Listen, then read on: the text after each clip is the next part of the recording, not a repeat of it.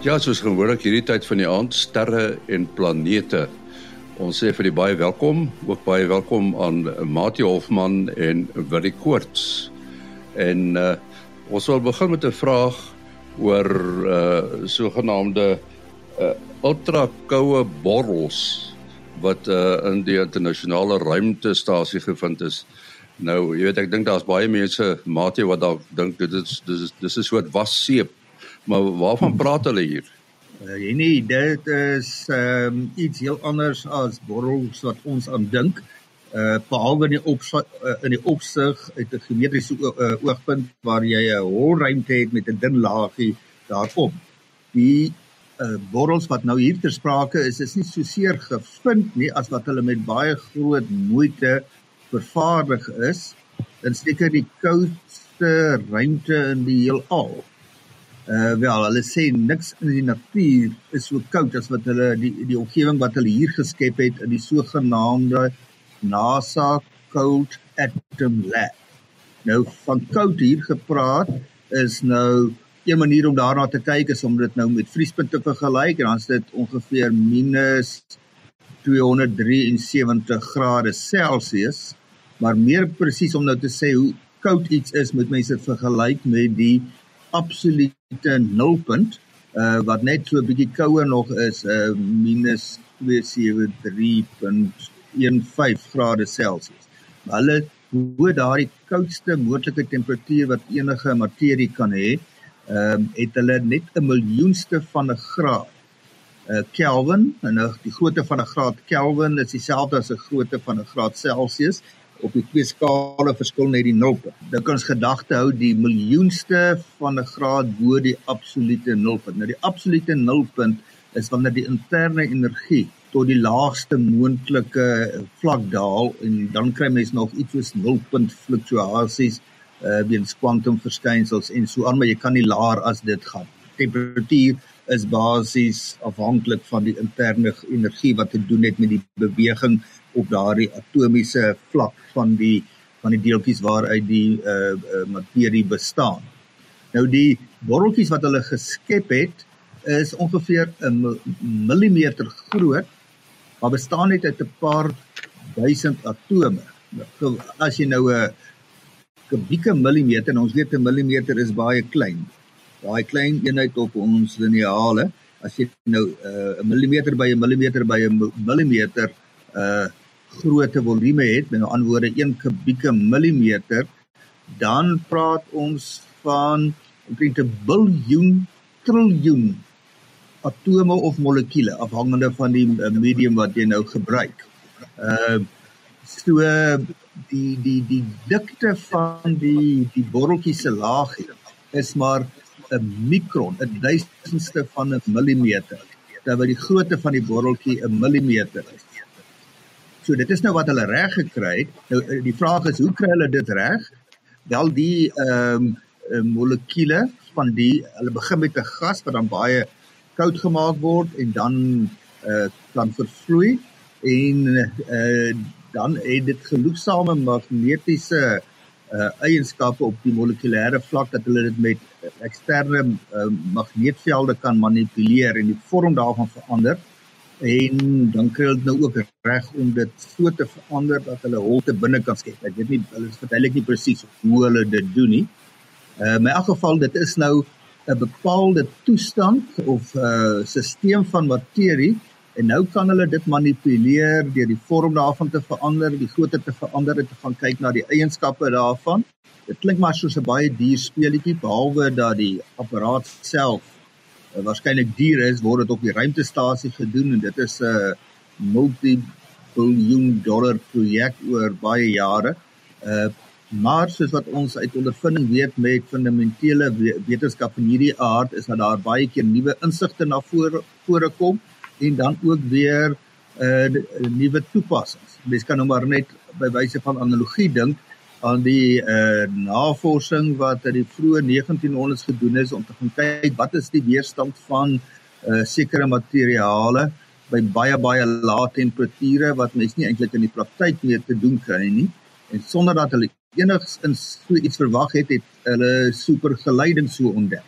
En vandag het supergeleidinge baie groot toepassing byvoorbeeld in uh, die baie vinnige treine of in uh, superrekenaars waar die supergeleidende eienskappe kan uh, jou staat kan stel om uh, baie kompakte sisteme te kan hê waar berekeninge kan gedoen kan word sonder dat jy oormatige warmte kry en so aan. Ja, dan is daar 'n baie interessante storie en ons het al baie oor die Voyager tye gepraat wat uh, tye is wat waarskynlik die verste weg is van die aarde af. Hulle is hierso in die 70er jare gelanseer.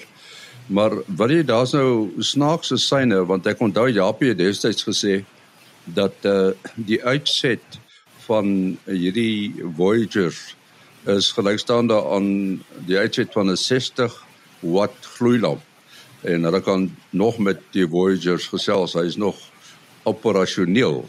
Maar nou het hulle snaakse geleide iets wat die die uh telemetrie deurmekaar maak. Ja, dis 'n interessante storie. Ons ons het nou mos so rukkie terug ook gepraat dat die Voyagers het probleme gegee en dan soos jy nou ook gesê het van die krag uitset.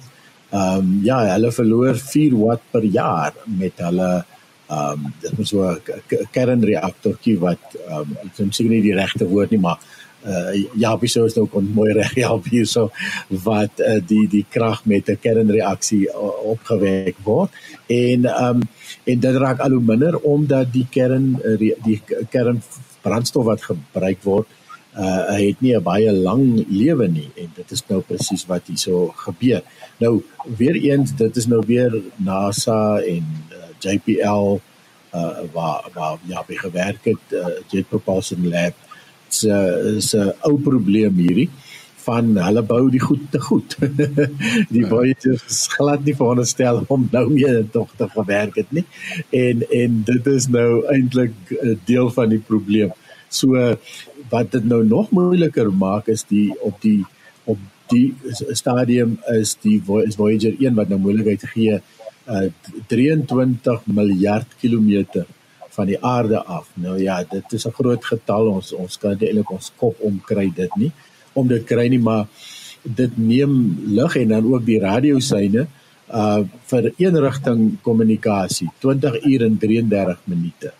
Nou dink nou net jy het 'n telefoongesprek met iemand wat jy ja, sê hallo, hoe gaan dit en 20 en 'n half uur later dan uh kry die ander persoon die antwoord, die ander persoon sê nee, dit gaan nie te sleg nie en dan 20 en 'n half uur later kom die antwoord eers by jou uit. Dis al weer môre.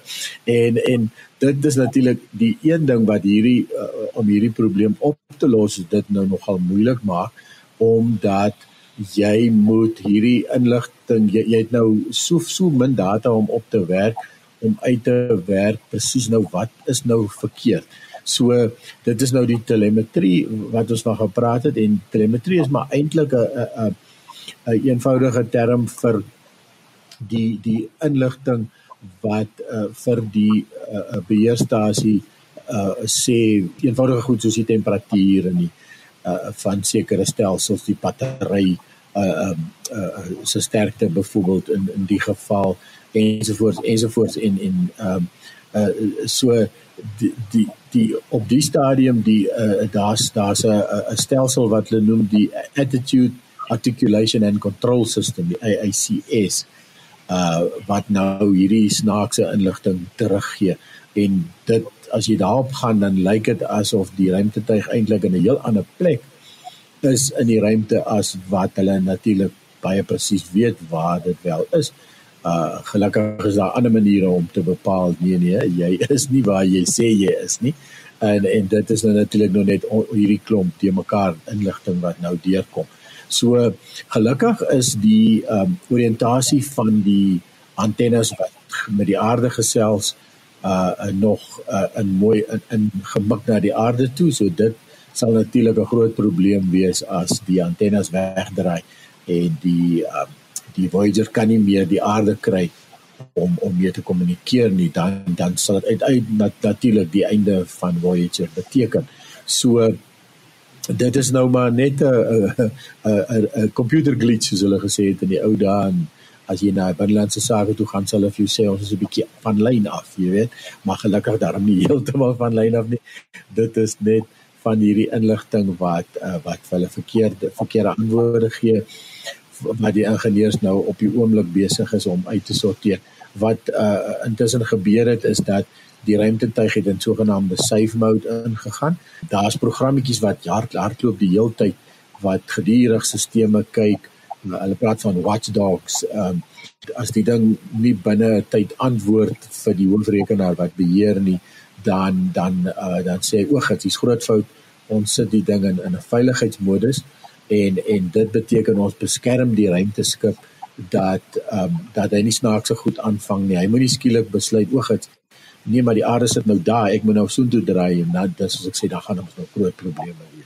Ja. So uh, ons hoop nou maar na hierdie vreeslike lang stadige gesprekte van 20 en 'n half uur heen en weer nog 20 en 'n half uur later uh, kan hulle uiteindelik genoeg inligting bymekaar maak om uh, die Voyager te laat te laat aangaan en natuurlik om sekere van hierdie inligting nou maar net te ignoreer.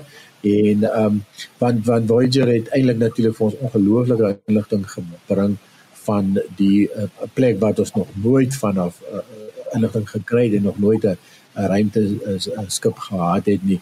En dit is die soortgenaamde interstellêre uh, ruimte. So ons is nou buite die die uh, uh, invloedsfeer van van waar die son is ons kan nou ek en jy kan nou nie bekostig om in safe mode te gaan as nie 'n moeilike vraag in ons rigting gooi ek het dit baie baie maal so om in 'n uh, sonder ernstige gevolge in 'n safe mode te gaan nie.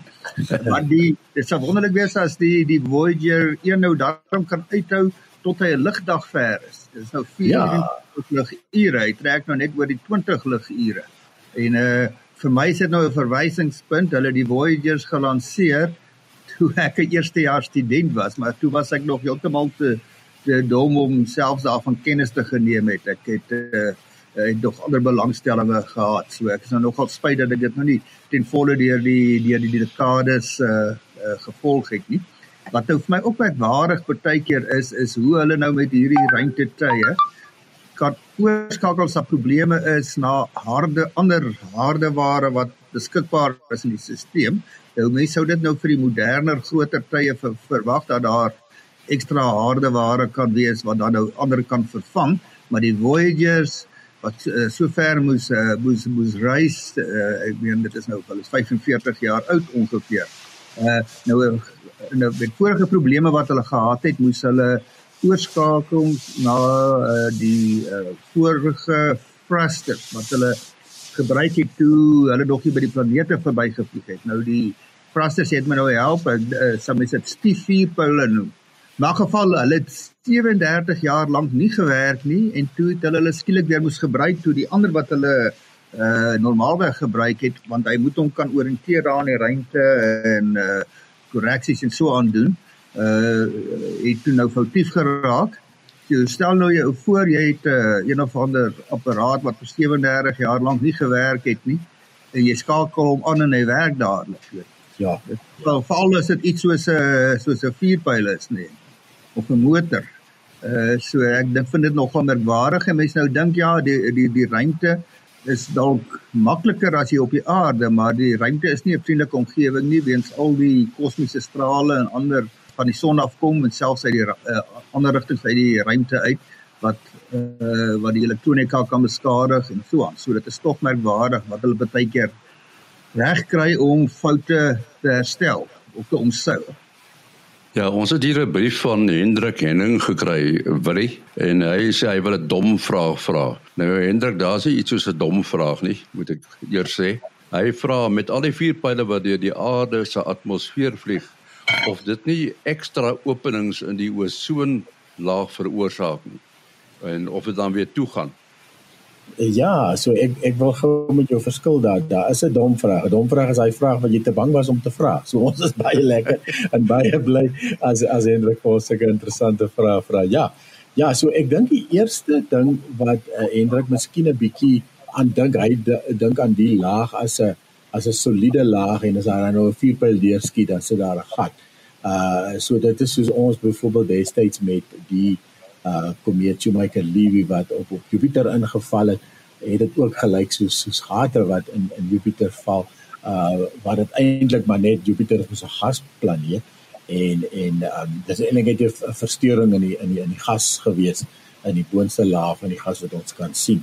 So so aan die as jy aan die ozonlaag dink dan moet jy eintlik aan aan iets soortgelyks dink. Dit is 'n dis 'n noem dit maar 'n gebied bo kan die aarde waar die atmosfeer waar daar sekere sekere gasse in voorkom en en weer eens die die die die digtheid van die, die hoeveelheid gasse per vierkante meter of vierkante sentimeter is van die spesifieke ozongas is is baie baie laag en nou ons is nou um, in die hoë deel van die atmosfeer wat uh, beteken dat ons begin al hier na na vakuum toe beweeg en en uh, eintlik amper 'n beter vakuum is wat ons op aarde kan kom en en ons is eintlik nog in dele van die van die atmosfeer. So ek dink die die vinnige maklike antwoord in in in Mati kan kan bietjie bysit hier so as hy as hy ander inligting het is is dat die die jy moenie dink aan die vuurpyl as as uh, as 'n as 'n gat wat hy daar deurmaak nie daar's daar's ander daar's ander steurings en goeters wat wat, wat baie groter uh, versteurings vir veroorsaak in die in die in die ozonlaag. Um as jy miskien bedoel het uh, die gasse wat vrygestel word, uh, dis natuurlik nou 'n ander storie dat daar sekere gasse soos ons gepraat al van die CFC's die die die gasse wat ons ou yskaste gebruik het en so aan en wat ons naderhand agtergekom het as ons dit ophou gebruik dan dan dan kry ons nie hierdie afbreek van die ozongasse nie. En en sover ek weet is daar ook daarom nie veel van hierdie ozon onvriendelike uh uh gasse wat afgeskei word deur wanneer hulle vuur vuurpyle lanseer. Ja, uh wil jy die die uh, ozon is natuurlik uh 'n vorm van suurstof wat minder stabiel is as die gewone molekulêre suurstof O2 wat ons uh, uh, in oorvloed hierso in ons atmosfeer vind. Uh die ozon is O3, so daar's drie suurstowwe. Uh, kyk sommer hier vinnig na die lysie 'n lysie van seker nog nie 'n volledige lysie van 'n aantal uh molekules wat die ozon kan afbreek. Met ander woorde wat dan die O3 opbreek. Uh nou die O3 is nou uh baie goed om ultraviolet lig te absorbeer. Dit is hoekom as die ozonlaag uh, gat groot is, of baie wydstrek. Dit is dan in 'n gebied waar daar baie minder laer digtheid van ozon as gewoonlik is, dan is uh het ons 'n groter risiko vir sonbrand. Nou uh hierso word gepraat van stikstofoksied en dan uh N2O, 'n ander vorm van 'n stikstofoksied, hidroksielgroep OH en chloor en brom en so aan. Uh Nou mens kan jou voorstel as die vuur by motore aangeskakel is, as daar neuweprodukte is van daardie soort molekules afgeskei word, dan kan dit nou in daai omgewing 'n uh, vermindering van ozon uh, teweegbring. Ek is nie seker of daar OH groepe uh, in daai verbrandingsprosesse gevorm kan word nie. Ehm um, maar nou moet mens aan die skaal dink. Uh dit is nou nie asof daar almekaar vuurpyle daar deur die ozonlaag gaan nie. Dit is maar nog 'n klein klein getal uh oor die afgelope dekades het daar uh, seker 'n hele klompie duisend vuurpyle deur die ozonlaag beweeg, maar dit was versprei oor baie jare en elkeen het maar 'n klein lokale effek gehad in die enigste.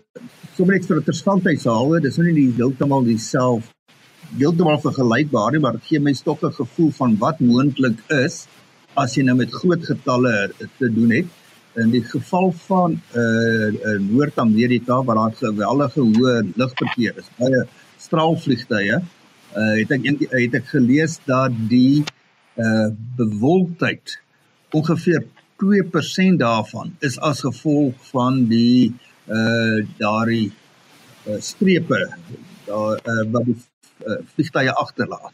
So ek het nou nogal gedink dit is dis nogal hoog, 2% ehm um, met 'n mensgemaakte vervoermiddel, maar as mens nou gaan kyk na die lugverkeer daar, is dit baie hoog en elke een van daardie straalmotore verbrand 'n geweldige klomp ehm um, uh, materiaal wat dan kondenseer, daar's baie water dan ook in in die, in die proses uh, eh, wat dan daar 'n soort van 'n volta vorm. Ja, Mati, 'n uh, interessante uh kwessie het na vore gekom. Ons het nou al baie gepraat oor die moontlikheid van water op Mars en dat daar voorheen uh water was, maar die uh die Chinese tuig wat op die oomblik ook op Mars rondkruip, uh, het nou eintlik aanduidings gegee dat die tekens van die water wat daar was uh is meer onlangse water wat daar was. Mense het gedink dat die water veel verder terug bestaan het, maar nou die die Zhurong inligting oorgestuur wat bewys dat uh, die water wat ons weet op Mars is of was uh, is 'n meer onlangse verskynsel. Net so ter herinnering vir die luisteraars, uh, die Zhurong tuig het 'n jaar gelede in Mei 2021 op Mars geland. Hy het al 'n hele paar uh kilometer daar afgelê. Nou nie naaste by soveel soos die Curiosity nie.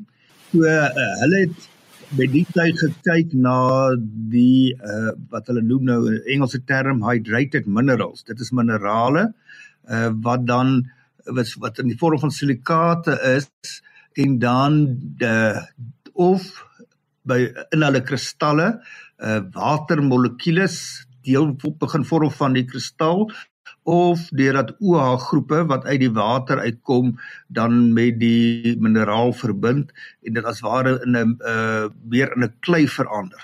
So dit is in elk geval iets wat 'n mineraal vorm van minerale wat in 'n waterige omgewing gevorm word. Nou hulle het bepaal dat hierdie proses moes ongeveer 700 miljoen jaar gelede plaasgevind het terwyl hulle voorheen gereken het dat vloeibare water laas ongeveer 3 biljoen jaar gelede op Mars bestaan het. Nou daar's 'n baie groot verskil tussen 3 biljoen jaar gelede en 700 miljoen. So jou uh, meer as 3 maal meer onlangs as wat hulle gedink het.